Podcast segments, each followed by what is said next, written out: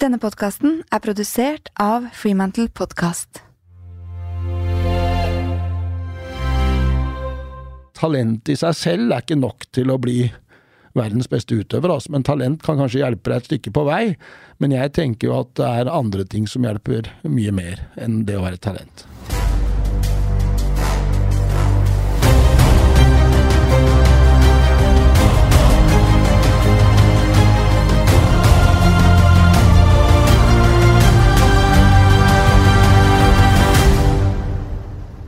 Er mentaltrener Cecilie Ystenes Myhre, og i podkasten Grit skal jeg gi deg noe av hemmeligheten bak suksessen til ulike fremadstormende mennesker.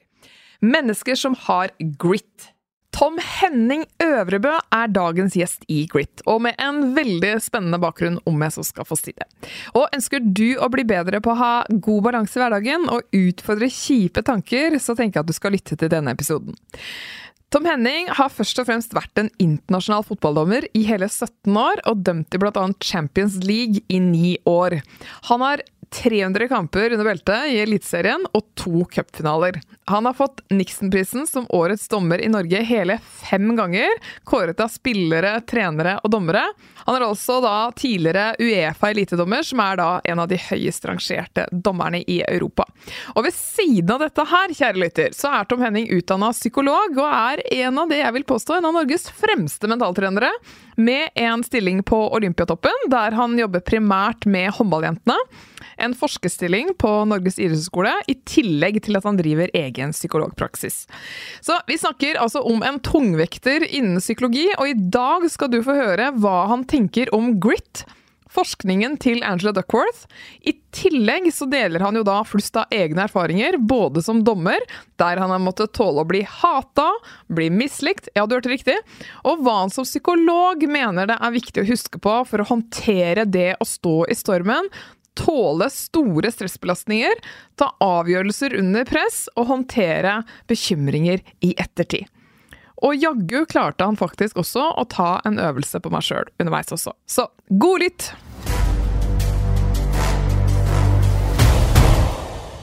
Velkommen til Grit podkast, Tom. Tusen takk, veldig hyggelig å bli invitert. Du, de fleste har nok sett eh, eller hørt deg i en eller annen sammenheng, kanskje idrettssammenheng, enten på en fotballbane eller i senere tid kanskje som en mann i bakgrunn blant mange av Norges fremste utøvere. Men du må fortelle litt til lytterne hvem du er. Jeg heter eh, Tom Henning og er eh, psykolog. Uh, jobber på uh, Norges idrettshøgskole, hvor jeg for tiden er stipendiat og forsker på psykisk helse i toppidrett.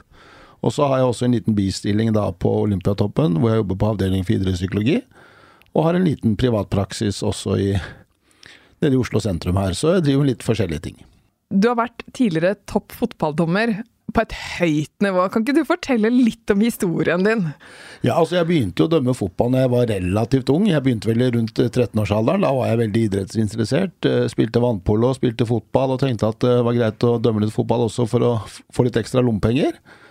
Så utvikla egentlig det seg mer og mer, akkurat den fotballdømminga. Så etter hvert så kutta jeg ut fotballspillinga og bare drev med vannpolo og dømming.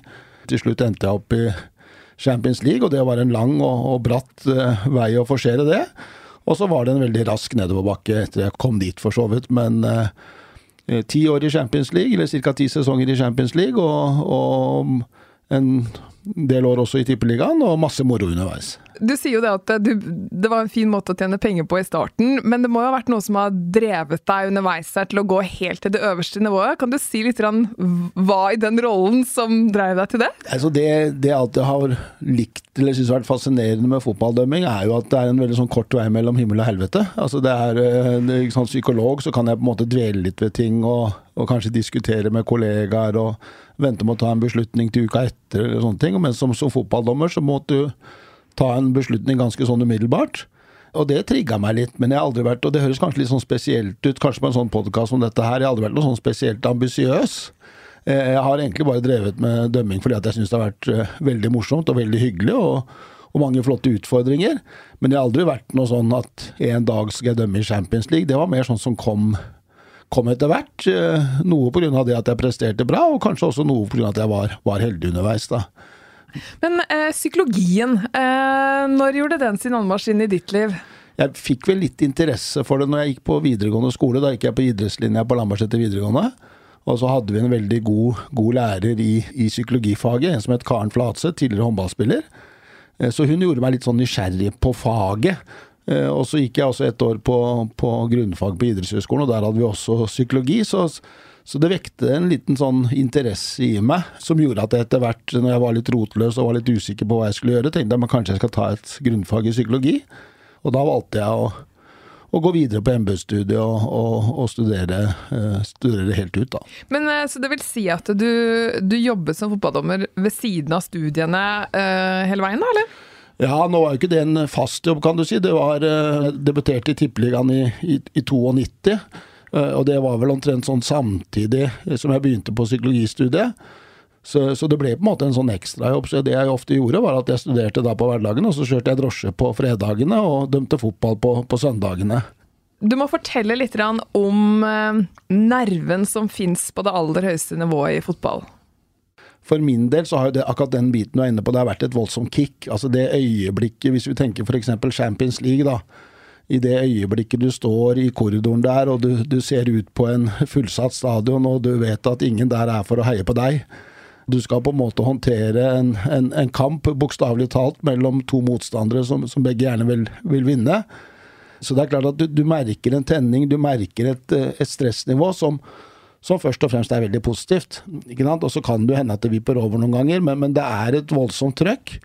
Og når du da i tillegg vet at du i løpet av en kamp skal ta en 200-400 avgjørelser, og det skal tas sånn umiddelbart, så har du et visst ansvar òg, da. Selvfølgelig da sammen med andre i teamet ditt som, som, hjelper deg så godt de kan. Men, men, det er noe med det trøkket som det er veldig vanskelig å få på andre arenaer. Det har i hvert fall vært min erfaring. Så i den grad jeg savner fotball, så er det kanskje akkurat det trøkket der noen ganger, og, og kjenne litt på det adrenalinkicket du kan oppleve i det øyeblikket du da går inn på San Siro eller Anfield Road eller Old Trafford eller hvor det enn måtte være rundt omkring i Europa. Mm. Kan du si litt om hvordan du forberedte deg mentalt inn mot kampene? Ja, det kan jeg gjerne gjøre. Altså, jeg hadde ofte, og Særlig når jeg var ute internasjonalt, så hadde jeg en litt sånn lik eh, greie på hvordan jeg forberedte meg. Og det var at ofte kampene var jo da på kveldene, og på morgenen så hadde vi kom gjerne dagen før. Eh, og så var det middag kvelden før, og så var det da besøk på stadion sånn i ni-ti-tida. Og Det var liksom sånn fast. Og når vi da kom tilbake etter lunsj eh, til hotellet, så brukte jeg for min del litt tid da på å, å visualisere ulike situasjoner, se for meg ulike typer scenarioer som kunne dukke opp i løpet av matchen. Og var litt sånn mentalt forberedt på det, og så tok jeg meg gjerne da en liten sånn ettermiddagsdupp før vi begynte å gjøre oss klar til kamp. Og så da en times tid før avreise til, til stadion, så var det ofte da at vi samla teamet og hadde en liten prat om hvordan vi på en best mulig måte kunne løse den oppgaven vi var satt til å løse, og hvordan vi på en best mulig måte kunne samarbeide. Så det var et sånn likt rituale eh, hver gang, som, som jeg syns funka godt for min del, uten at jeg lagde noe særlig voldsomt ut av det. Mm. Hva vil du si at du lærte mest av den karrieren som eh, dommer? Nei, det er jo kanskje det å, å tåle å bli mislikt. Altså det å tåle å bli hata. Altså uten at det er nødvendigvis så veldig farlig. For som fotballdommer så får du ikke noe sånn særlig med supportere. Du får hatgrupper på Facebook, du får meldinger i, i mailboksen din, du får SMS-er som forteller hvor dust du er, og håper at du og både familien din, du og familien din skal dø, osv. Så, så, så det er en sånn viktig lærdom å ta med seg, at det er ikke så farlig, egentlig. Altså det å bli mislikt. Altså, så lenge du har fine folk rundt deg ellers, som bryr seg om deg, og som er glad i deg, og som du er glad i, så er det, en viktig greie. Eh, og så lærte det meg også det å stå i stormen litt. Sjøl er jeg en person som nok heller mer mot det introvert, og jeg er ikke så altfor glad i, eh, i oppmerksomhet. Men, men, gjennom da dømming i veldig mange år, så har jeg på en måte lært meg å tåle en del stressbelastninger. da, ikke sant? Det å, å bli skjelt ut av en trener eller en spiller, eller det å måtte ta tøffe avgjørelser når du er usikker, og, og det å leve med tvilen og, og alt det som er knytta til det, det har nok dømminga gitt meg en god skolering på, da. Eh, og så har man selvfølgelig også, når man kommer på et høyere nivå, også fått kjenne litt på hvordan media funker, og hvordan den biten er rundt akkurat dette med, med toppidrett og, og, og fotball. Mm. Kan du gi et konkret eksempel på en sånn situasjon i den karrieren hvor du, hvor du kjente ekstra på det her? Og hvordan du litt håndterte det både underveis og kanskje i etterkant? Jeg kan jo kanskje da ta utgangspunkt i den kampen hvert fall mange husker meg for. Og hvis de ikke husker meg, så pleier jeg da å nevne det i sånne anledninger som det her, sånn at jeg sørger for at det på en måte ikke blir, ikke blir glemt. Eh, men det er jo denne famøse opptreden på, på Stamford Bridge, ikke sant. En uh, viktig semifinale for, uh, for, for to lag, Chelsea-Barcelona, som da ikke ble løst på en optimal måte. Og det er klart at da, etter en sånn kamp, så, så har du en opplevelse som dommer at eh, Søren Tom Henning, i dag var du ikke på ditt beste. I dag eh, ble det litt uh, underprestering her. Og når jeg da erfarte hvordan media og, og, den biten fungerte etterpå, så ble jo det en nyttig erfaring. ikke sant? Da, for da var de ganske sånn pågående, da. Ikke sant? Da var, gikk det så langt at de da kom, kom hjem til meg, og det sto liksom en, horde av journalister for å få en eller annen form for uttalelse. Så var jo i hvert fall regelverket den gangen at som dommer så hadde du ikke lov til å uttale deg. Så jeg måtte nærmest leke litt sånn katt og mus-lek med, med, med, media, og det syns jeg var litt uheldig, da. Var det nærmest internasjonal presse, det, da? Ja, da var det presse både fra, fra, fra England og Norge og, og, og, Spania, og kanskje også andre land, men det var altså en 15-20 journalister utenfor huset mitt som da gjerne ville ha en, ha en uttalelse. Og da, ja, da syns jeg kanskje at jeg hadde tråkket over en, en viss terskel, da, for da, liksom, da går det utover familien, og det var jeg ikke noe særlig glad i.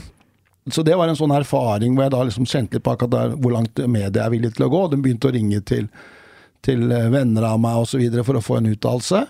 Og da tenker jeg at da, da har hun trådd over en terskel. Men, men, klart, man står jo i det også, og heldigvis så har jeg lojale, fine venner, så, så de var jo fornuftige og ikke sa så mye. Men da hadde det kanskje i en sånn setting vært bedre å hatt en form for en pressekonferanse og gitt en uttalelse og blitt ferdig med det.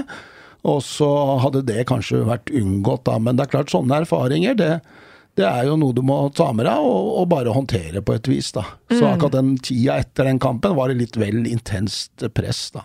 Hvis du kunne trukket opp noen ting som du tenker andre som står veldig i en sånn storm, da. Hva kan de lære av deg når du reflekterer tilbake? Nei, Jeg vet ikke om det var så mye å lære av mine erfaringer. Det er alltid skummelt å bruke sine egne erfaringer overfor andre, men i hvert fall det jeg hadde nytte av, da, det var jo på en måte å akseptere litt den medieverdenen. Altså, det er noe som er litt sånn utafor meg. Og så hadde jeg fokus på det jeg kunne på en måte gjøre noe med. Så sparra jeg med mine, enten det da var nær familie eller det var dommersjefen eller dommerkollegaer eller andre. Så, så var liksom, de brukte jeg som et anker i, i hverdagen da.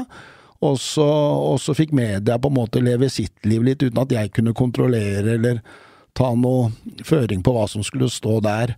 Så jeg klarte å distansere meg litt til akkurat den verden, da, for det er jo en verden som vi ikke nødvendigvis trenger å involvere oss så veldig i. Så det var én måte jeg valgte å, å, gjøre det på.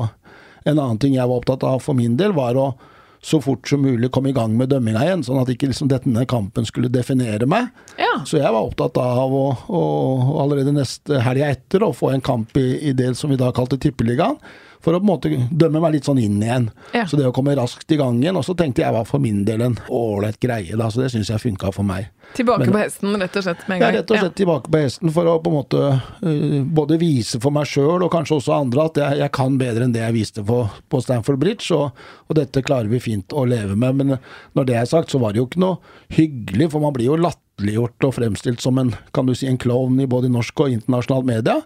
Men, eh, men, samtidig så er det viktig å sette det litt sånn i et perspektiv, og tenke også at det er andre yrkesgrupper som kanskje kjenner på det det er mye mer enn en de som er fotballdommer. Altså. Det, enten det er politikere eller andre som er mye i, i mediafokus. Mm. Ok, og så, når begynte du å praktisere som psykolog? Nei, Jeg var ferdig utdanna i, i 98, eh, så det er jo da en del år siden. Eh, og da begynte jeg først med en fast jobb høsten 99, for da var jeg litt sånn usikker på hva jeg skulle gjøre, så da fortsatte jeg bare med ekstrajobben min, og det med fotball og kjøre drosje. Og så hadde jeg noen sånne enkelte oppdrag eh, som, som, psykolog uten at jeg begynte noe fast. Men så begynte jeg da å praktisere mer som psykolog da sommeren, tidlig høst 99, eh, og har gjort det siden, og, og trives veldig godt med det. Men hadde da psykologjobben hele tida som en bistilling, fordi at jeg da var frikjøpt fra, fra Fotballforbundet, som gjorde at jeg da kunne bruke litt mer tid på trening og forberedelser og etterarbeid og sånne ting. Så jeg gjorde begge ting, ting parallelt, da. Ja. Og så Som jeg da har forstått deg, hvor du filtrerer meg her, så har du da både jobbet med terapi, men du har også jobbet på Olympiatoppen eh, med å utvikle ikke nødvendigvis mennesker som har depresjon eller angst eller lidelse, men også rett og slett få ut de siste prosentene i et potensial. Ja, definitivt. Altså, for jeg har jobba som psykolog, så har jeg jobba i mange år klinisk. Og første ti åra mine som psykolog så jobba jeg i Nav og masse spennende arbeid. Men så etter hvert da, så ble jeg dratt litt inn i idrettspsykologien, og da på Olympiatoppen, og, og var der, eller er der fremdeles. da. Og da er det jo både litt sånn klinisk arbeid, men også det med prestasjonsutvikling og, og det å bistå sånn at utøvere får ut det lille ekstra når det virkelig, virkelig gjelder. Eh, og så vil jeg samtidig si at jeg tror nok det er mye annet eh, som utøvere gjør i hverdagen sin som er viktigere enn akkurat det å ha preik med en, med en mental trener eller psykolog. Men når det kommer på det nivået, så, så kan det kanskje utgjøre den lille forskjellen enkelte ganger, da. Men, men, jeg vil understreke det, altså at det er mange andre ting som er mye viktigere det enn å, å, å snakke med en, med en idrettspsykologisk rådgiver eller mental trener. Men for noen så er også det litt til hjelp da, for å kanskje håndtere noe av det stresset og få ut potensialet sitt når det virkelig gjelder. Og det, det er jo en viktig faktor når vi snakker om toppidrett, i hvert fall. Mm. Men hvordan syns du det er å balansere å jobbe på den måten versus å jobbe klinisk? Og for deg personlig, altså, er det en, altså en, fin todeling som gir deg mye? Ja, jeg liker det. Altså, jeg, jeg, jeg liker også de mer mørke kreftene i oss mennesker, og syns det er fascinerende. og det er få ting som jeg opplever så meningsfullt når du kanskje ser gnisten i øyet i den depressive eller den engstelige personen som endelig tør å, å, møte folk igjen. Og så er det selvfølgelig også spennende og interessant å bidra til at eh, folk, eh, folk også får ut potensialet sitt. Mm, det kan jeg forstå. Du sier noe interessant der. Jeg liker også kanskje de mørke kreftene. Skal ikke du si litt om hvorfor du har det perspektivet på det? For det kan jo være noe veldig mange kan være litt redd for? Ja, altså jeg tenker jo at vi er jo mennesker, og vi skal jo leve relativt begrensa tid på denne kloden. Vi har jo sånn ca. 850 000 timer, tror jeg. Sånn, det er vel sånn ca. gjennomsnittsliv. Og i løpet av et sånt liv så, så er det jo opp- og nedturer. ikke sant? Og det er eh, flotte opplevelser og mye gode følelser og forelskelser og bryllup og bursdager og feiringer og reiser til utlandet og kanskje masse andre flotte ting, idrettsopplevelser osv. Og, så men så blir også livet på en del motgang, og det kan prege oss på ulike måter. Altså det, de mer grunnleggende negative følelsene, tristhet, sinne, eh, opplevelsen av avmakt osv. Og det er klart at det er jo en del av det å være menneske, og jeg syns at vi noen ganger har så lett for å tenke at vi hele tiden bare skal tenke positivt og få ut potensialet vårt, og vi skal ha liksom den beste utgaven av oss sjøl osv. Og jeg blir sånn svett og sliten av sånne ting. Jeg tenker at innimellom så må vi også få lov å ha det vanskelig. Innimellom så må vi få lov å synes at livet er tøft. Uten at vi dermed skal tenke at det er noe gærent med oss, men at det også er en del av det å være menneske. Eh, og så er det jo sånn at de gangene det da tipper over og kanskje skaper trøbbel for oss, da, så er det jo utrolig berikende det å få lov å bistå da de personene som Sånn at de kommer litt sånn på rett kjøl igjen, da. Mm. Hvis det da har blitt mer trøbbel for dem på et vis. Mm. Men når du jobber med noen av de fremste utøverne vi har, si litt mer om hvordan du går frem der, og, og, og kanskje også litt sånn generelt sett hva du har dratt med deg av erfaring med å jobbe med, med de menneskene da, i så mange år? Nei, kanskje Den viktigste erfaringa jeg har dratt med meg gjennom de årene, er jo at folk er folk. Vi har jo veldig rett for å idealisere og glorifisere toppidrettsutøvere. De har jo noen ekstreme egenskaper som gjør at det absolutt er verdt å se opp til dem, og at de, de bidrar med masse, kan du si, god, god underholdning gjennom å, å, prestere så godt som de gjør. Og så tenker jeg jo samtidig da at de, folk er folk, i den forstand at eh, de også har sine ting eh, som kan prege dem på godt og vondt. og det å da få ut det lille ekstra kan noen ganger være veldig krevende, men det som slår meg med mange av de unge, flotte utøverne jeg får lov å jobbe med, er jo at de er villige til å legge ned det arbeidet som skal til da, for å få til den lille prosenten ekstra. Så de er ekstremt dedikerte. Når jeg sier ordet talent, hva tenker du da? Jeg tenker at det er, det er, er flere tanker som slår meg da. Det ene er dette her med at jeg tenker at det setter en merkelapp på noen som ikke nødvendigvis er heldige. For det er mange som har vært veldig talentfulle som unge, men som da ikke har blomstra ut av ulike årsaker. Så et talent i seg selv er ikke nok til å bli verdens beste utøver, altså. men talent kan kanskje hjelpe deg et stykke på vei. Men jeg tenker jo at det er andre ting som hjelper mye mer enn det å være talent. Og så skal du aldri undervurdere hardt arbeid, da. Så jeg tenker at mange av de som blir best, de blir jo best først og fremst pga. at de er villige til å legge ned mye og hardt arbeid, men de er gjerne også best i verden på å hvile. Sånn at, man, at, man, finner en bra balanse i hverdagen, det tenker jeg blir, blir, er, er, viktig, da. Og hva tenker du er god hvile da? Ja, det kan være veldig forskjellig. Altså For noen så kan det være å gå på en kino med noen venninner eller venner. For andre kan det være å sitte hjemme og se på en dårlig serie. Og for noen kan det være å ligge og sove. Men at du gjør ting som gjør at du da på en måte kobler av, det tenker jeg er viktig. Eh, noen liker jo også å drive med oppmerksomhetstrening eller mindfulness og syns det gir god effekt. Andre liker å gå tur i skogen. altså Der må måtte, folk finne sin egen form. Og du sa det jo veldig godt, eh, altså En av dine forberedelser til kamper, det var jo å ta en dupp, rett og slett? Jeg syns alltid det var godt, og det å på en måte få god hvile og, og sove litt og ta seg en liten strekk. Men da hadde jeg jo gjort gode forberedelser på forhånd. Både da samme dag og, og i dagene før. Og så likte jeg det da å få en liten dupp. Jeg, jeg synes at da liksom var jeg på mitt beste når jeg, når jeg våkna igjen og kunne ta meg en dusj og forberede meg til kamp. Så var liksom jeg klar for den eh, utfordringen som venta. Ja. Du, eh, du nevnte oppmerksomhetstrening. Er det avgjørende å trene på oppmerksomhetstrening eller mindfulness for å få optimal hvile, tenke med klart hode osv.? Ja. ja, nei, det, der vil jeg kanskje velge å sitere Jon Kabat-Zinn, som var liksom den som ble kjent for å dra mindfulness inn i den kan du si, vestlige vestlige tradisjonen, for å, for å bruke det begrepet. Og han sa jo det ganske greit, at hvis du ikke liker det, så ikke gjør det. Altså, det, det, er ikke vits. Får du det ikke. Nei, og, og, og, han er jo på en måte liksom den store innenfor dette, da, hvis du tenker på han som på en måte da opprinnelig dro inn dette her i, i det vestlige samfunnet på et vis. Og jeg tenker at det har litt det samme perspektivet. For noen kan dette med mindfulness og oppmerksomhetstrening være en veldig fin måte å lære seg til å håndtere kjipe følelser og kjipe tanker for. For andre så kan det gi kløe og bare være en sånn ekstra belastning i hverdagen. Men det jeg er opptatt av, at du kanskje skal gi det en sjanse. Og så er det så mange måter å gjøre det på. Én ting er jo å ta tenke at nå skal jeg sitte stille i, i ti minutter og bare være til stede med tankene mine. Men du kan jo også kan du si, implementere det litt i litt sånn daglig i hverdagen din. ikke sant? Når du spiser, så er det, liksom, er det det du gjør, ikke noe annet. Eh, når du gjør eh, lekser, så er det det du gjør. Du er ikke på Facebook og telefonen din samtidig. Så jeg tror at det å være til stede i de aktivitetene du gjør, er på en måte en, en god, litt sånn indirekte form for oppmerksomhetstrening. Da. For det ser vi jo i disse dager, hvor, hvor flere og flere, også unge, er på disse smarttelefonene. Eh, så blir jo det en, på en måte en oppmerksomhetstyv som gjør at vi får dårligere konsentrasjon, mindre fokus. Eh, og, og blir mindre oppmerksomme, fordi at vi skal hele tiden være på forskjellige områder. Så én ting er på en måte den formelle kan du si, oppmerksomhetstreningen.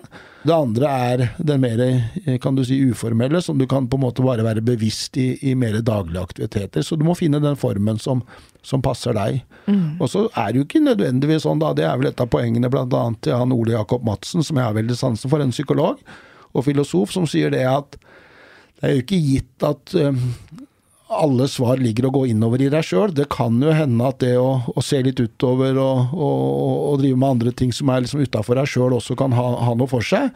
Eh, og det tenker jeg det også er noe i, da. Vi kan jo noen ganger kanskje gå litt langt i den dyrkinga av oss sjøl, da. Og sånn kan det jo kanskje bli noen ganger med mindfulness. Men når det er sagt, jeg har veldig troen på det.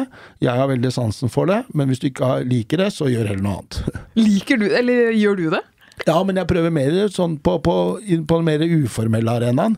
Så jeg er ikke sånn at jeg trener regelmessig med det, men jeg prøver å være oppmerksom på det i hverdagen. Eh, men ifølge samboeren min så er jeg nok ikke så altfor god på det, for det hender jeg fader ut og er helt i min egen verden, men det er kanskje en form for mindfulness, det også. ja, godt sagt. Godt sagt. Snart er det jul, og julegaver skal kjøpes inn. Og til alle dere som lurer på hva dere skal kjøpe til han eller hun som har alt, eller som vil minimere dette evige jaget etter ting, her er løsningen. For min annonsør Dagens Næringsliv tilbyr nemlig nå et gaveabonnement. Og det syns jeg er den perfekte julegaven til alle som liker å holde seg oppdatert og lese svært godt innhold om økonomi, arbeidsliv, ledelse og ikke minst livsstilsstoff som trender, kultur, musikk og design. Med gaveabonnementet får den du gir det til, papiravisen levert hjem i helgen, som inkluderer D2 og magasinet, i tillegg til digital tilgang hele uken og alle fordeler du får som totalabonnent. Du kan velge mellom å gi tre måneder til 590 og seks måneder til 990. Så du, spar tid og vær sikker på at du gir en gave som man virkelig kan glede seg med inn i det nye året. Du leser mer om dette på dn.no slash grit.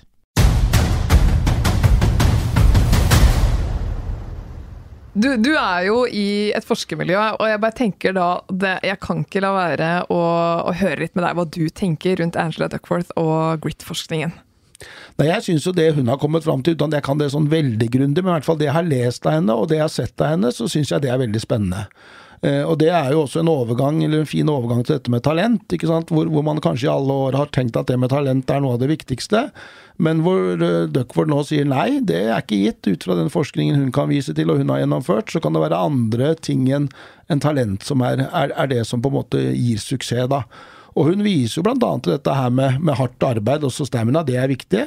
Men at du samtidig da har et stort engasjement og en driv inne, og en passion innenfor det du, du driver med. Mm. Så jeg liker jo det perspektivet, og jeg syns kanskje at i dagens samfunn så er liksom hardt arbeid og disiplin er liksom ikke, det er ikke ord du bruker så ofte lenger, men jeg tror at veldig mange av de som når toppen, de gjør det pga. hardt arbeid og, og god disiplin.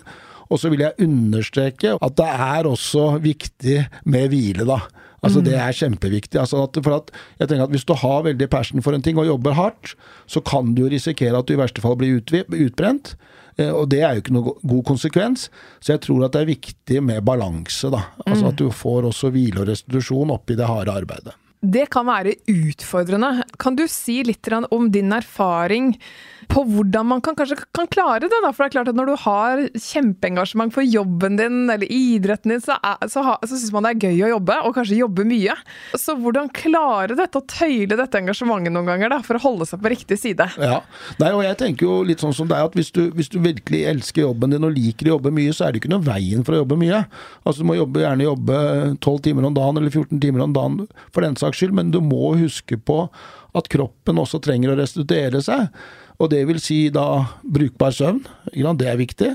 Eh, det vil si regelmessige måltider. Eh, det vil si kanskje litt, i hvert fall, sånne sosiale, eh, sosiale treff innimellom. Og ikke minst også det å ha en, kan du si, en god totalbalanse i hverdagen, da.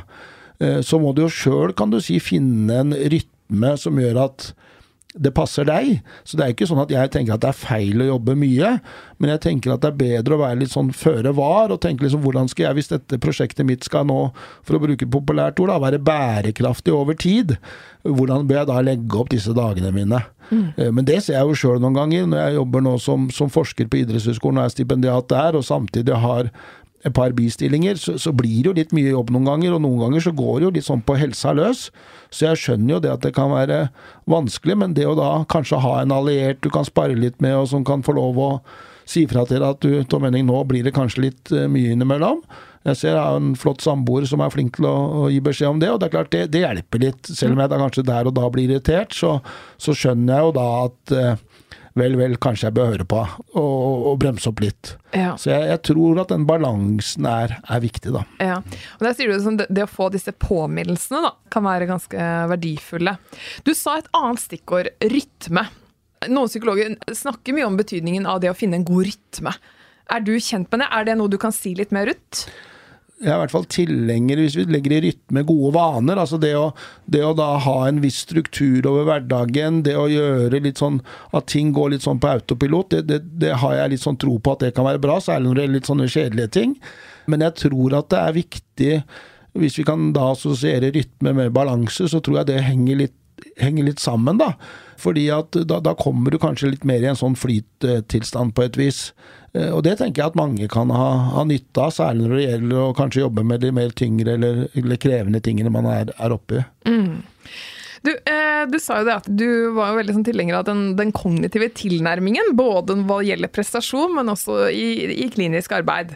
Kan du dele litt med lytterne hvordan de kan bruke mentaltrening, da, eller en kognitiv tilnærming, i sin hverdag?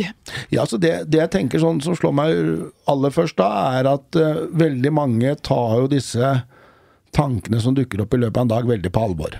Ikke sant? Det kan være tanker om at jeg er ikke bra nok, eller jeg får ikke til, eller dette kommer aldri til å gå bra, eller jeg er mislykka, eller uh, kjæresten min liker meg ikke, eller sjefen min liker meg ikke, eller hva det enn måtte være.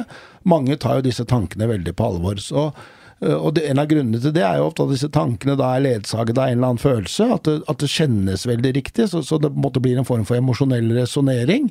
Og jeg ser i hvert fall for egen del også når jeg da jobber med enten det er pasienter i en mer klinisk setting eller utøvere, de som klarer da å få en mer sånn distanse til tankene sine. Ikke sant? Det, det, da liksom tenke at ja, det er nå bare en tanke, ikke sant? og jeg, jeg, trenger ikke å ta det på, så veldig på alvor. Og gjennom det klarer å, kan du si, å bygge opp en, det jeg gjerne kaller for en psykologisk fleksibilitet. At jeg tåler at disse tankene kommer uten at jeg trenger å handle på det. Det kan være et sånt fint første steg. Eh, så det er i hvert fall en sånn tilnærming jeg bruker noen ganger. altså det å, det å ikke ta disse tankene så veldig på alvor, men å la de få lov å være i fred. Og kanskje til og med leke med det noen ganger. da, ikke sant? En sånn tanke jeg vet ikke om du kan være med på en liten øvelse. Det kan være litt sånn ubehagelig, men jeg vet ikke om du tar det på. Kjør på! Ja, eh, men jeg vet ikke om du kan komme på en tanke, sånn negativ tanke. Nå blir jeg kanskje litt sånn vel personlig her, da, men en sånn negativ tanke du noen ganger kan, kan ha? Ja, la meg tenke. Så, som du liksom kan kjenne på noen ganger? Jo, jeg kan tenke Spesielt hvis jeg holder foredrag for veldig mange mennesker, ja. eh, så kan det komme en sånn eh, automatisk tanke på at eh, hvis jeg ser en person som ja, ikke følge med, da. Ja. Ja, han liker ikke hva jeg sier. Nei, han liker ikke hva jeg Nei, sier. nei. Ikke sant? Og det, det er sånn tanke jeg kan også kjenne meg igjen i. da. Eh, Og så er det ikke gitt at den tanken er sann. Men hva om du nå prøver nå å si den tanken med en veldig sånn rar pipestemme? Prøv å si den høyt med en sånn rar pipestemme, f.eks. Altså, han liker ikke hva jeg sier. Hvordan høres tanken ut da? Nei, det høres, det høres kleint ut og morsomt ut. Ja. Ja, sånn, da, da får liksom tankene et annet innhold. Da. Det er klart at, så sier jeg ikke at folk kan gå rundt sånn med sånn pipestemme, men, men det å på en måte leke litt med disse tankene, og gjennom det skape en litt sånn distanse til det, så blir kanskje den derre 'jeg er udugelig'-tanken, 'jeg er ikke bra nok'-tanken, 'ingen liker meg'-tanken, 'ingenting kommer til å gå bra'-tanken, de blir kanskje litt sånn det blir litt sånn latterliggjort og litt sånn ufarlige. Så det kan være én måte. Eller så kan det jo også noen ganger, hvis man tenker i mer sånn tradisjonell kognitiv forstand, da, være nyttig å, å hente inn mer andre kan du si, konstruktive tanker, og liksom å hente fram nyansene. For det er jo en sånn klassisk tankefelle vi ofte går i, at vi blir veldig sånn svart-hvitt. Og det å hente fra Nei, men stopp litt nå, nå var det dårlig i denne kampen, men det er jo ikke gitt at det har vært dårlig hver gang. Hvis jeg ser tilbake på og henter fram altså mer sånne støttetanker, kan også hjelpe deg gjennom sånne tøffe tanker. Jeg sier ikke det at alle skal gå rundt og, og si det med pipestemme, men, men både det å jobbe med en distanse til tankene, og det å hente inn andre støttetanker, kan, kan noen ganger eh, være, være, være fornuftig, da. Og et sånt begrep som har blitt populært i psykologien nå, er jo dette med selvmedfølelse. Altså det å være litt sånn raus overfor seg sjøl, og kanskje snakke til seg selv sånn som man ville snakke til en, en, en god venninne eller, eller eh, en god venn. Det, det kan jo også noen ganger være, være til hjelp, da. Jeg syns det var veldig befriende det du sa om at vi, vi tar tankene våre litt for mye på alvor noen ganger. Vi går veldig sånn inn i de. Ja. Ja, og det er, sagt, det er veldig forstå forståelig, òg, for de følges jo ofte av følelser, disse tankene. Så, eh, så, så det er klart at da, da kjennes de så, så, så riktig ut. Og da tar vi dem veldig på alvor. Men, men jeg tenker at i løpet av en dag så har vi 30 000-40 000 tanker. Eh, Og det meste av det er jo bare tanker som, som farer forbi, men så fort det da kommer disse negative tankene, så, så, så er det litt sånne i thoughts, og så klever de seg veldig til hjernen vår, da.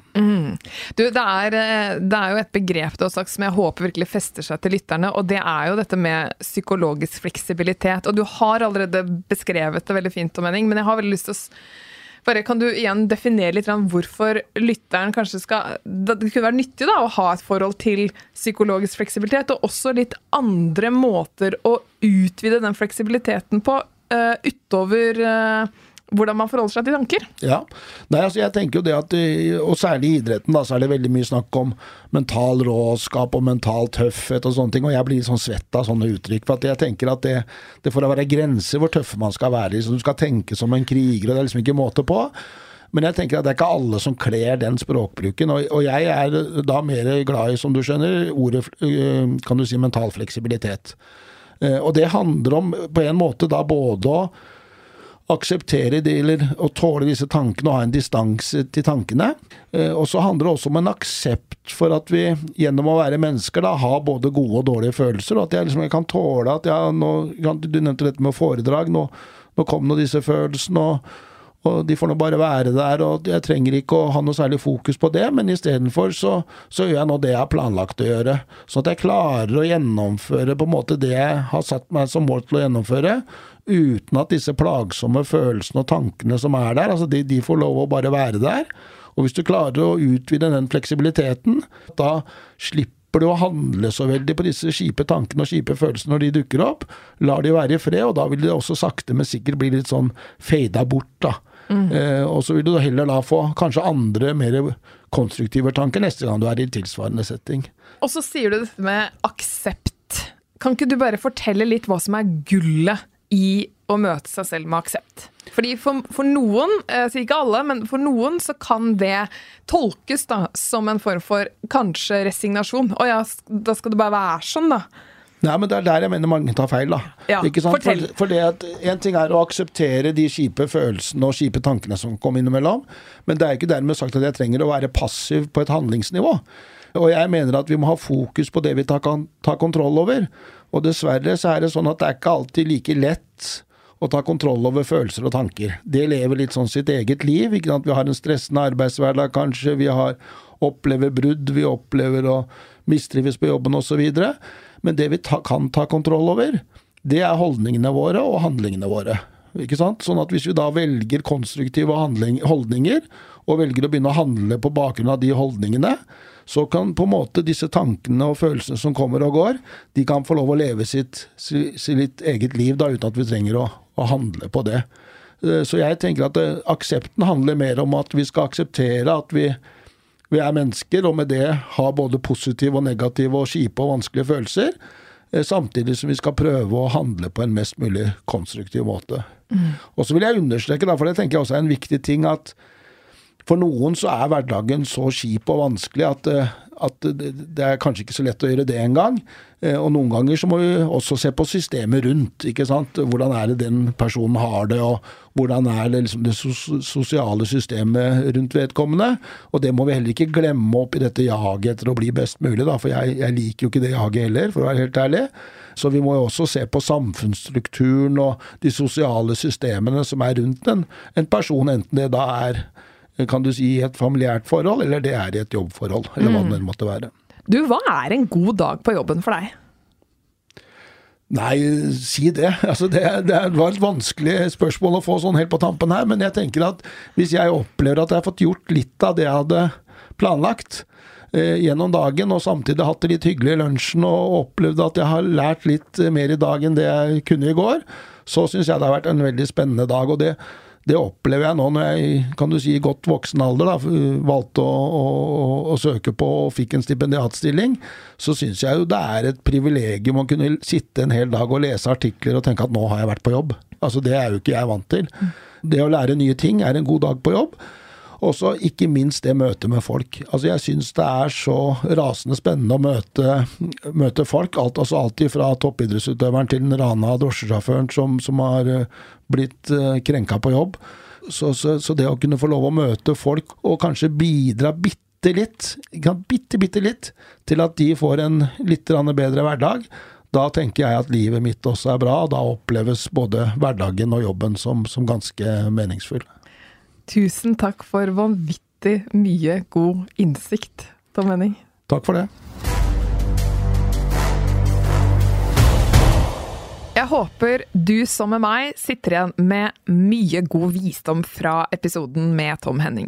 Eh, noe av det jeg beit meg merke var jo også det at han sier at når du har eh, gjort en feil, eller du ser tilbake på en erfaring med en litt sånn dårlig følelse, så kom deg opp på hesten. Og desto tidligere opp på hesten du kommer deg, desto bedre er det. Og han eh, sier jo dette her litt i etterkant av den feilen han gjorde i Champions League, og sier som så at han tenkte at det er bare bare en fin mulighet nå å dømme så fort som mulig, for jeg kan bedre enn det jeg sist viste. Og det syns jeg han eh, viser eh, i praksis her, hvor viktig det er med å sette et perspektiv på sånne opplevelser. I tillegg så snakker jo Tom Henning eh, veldig mye om at det som kjennetegner de aller beste, er at de er først og fremst villige til å legge ned det arbeidet som skal til. De er ekstremt dedikerte, og det inkluderer også at de har en høy dedikasjon til å hvile. Og så syns jeg jo det var veldig befriende, da, at uh, man trenger ikke nødvendigvis være en sånn kjempeihuga uh, mindfulness-entusiast uh, for å bli god på å holde oppmerksomhet, eller trene masse på oppmerksomhetstrening. Hvis man ikke liker det, så trenger man ikke å gjøre det. Talent det er en merkelapp som ikke nødvendigvis er heldig, og talent er ikke nok når alt kommer til alt. Så husk på at eh, du kommer langt med brukbar søvn, sosiale treff, god mat og en fin rytme i hverdagen.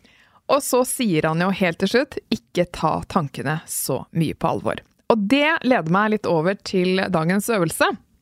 Fordi hvis det er da, sånn at du tenker at vet du hva, det er noen tanker som har en tendens til å poppe opp regelmessig. Du identifiserer de også som destruktive. De begrenser deg, og de har liten nytteverdi. Og dersom du da tenker at ja, jeg hadde faktisk følt meg friere, bedre uten disse begrensende tankene, så syns jeg du skal gjøre som Tom Henning og revurdere de utfordre validiteten i de, og se om du kan ta de litt mindre alvorlig fremover. Lykke til!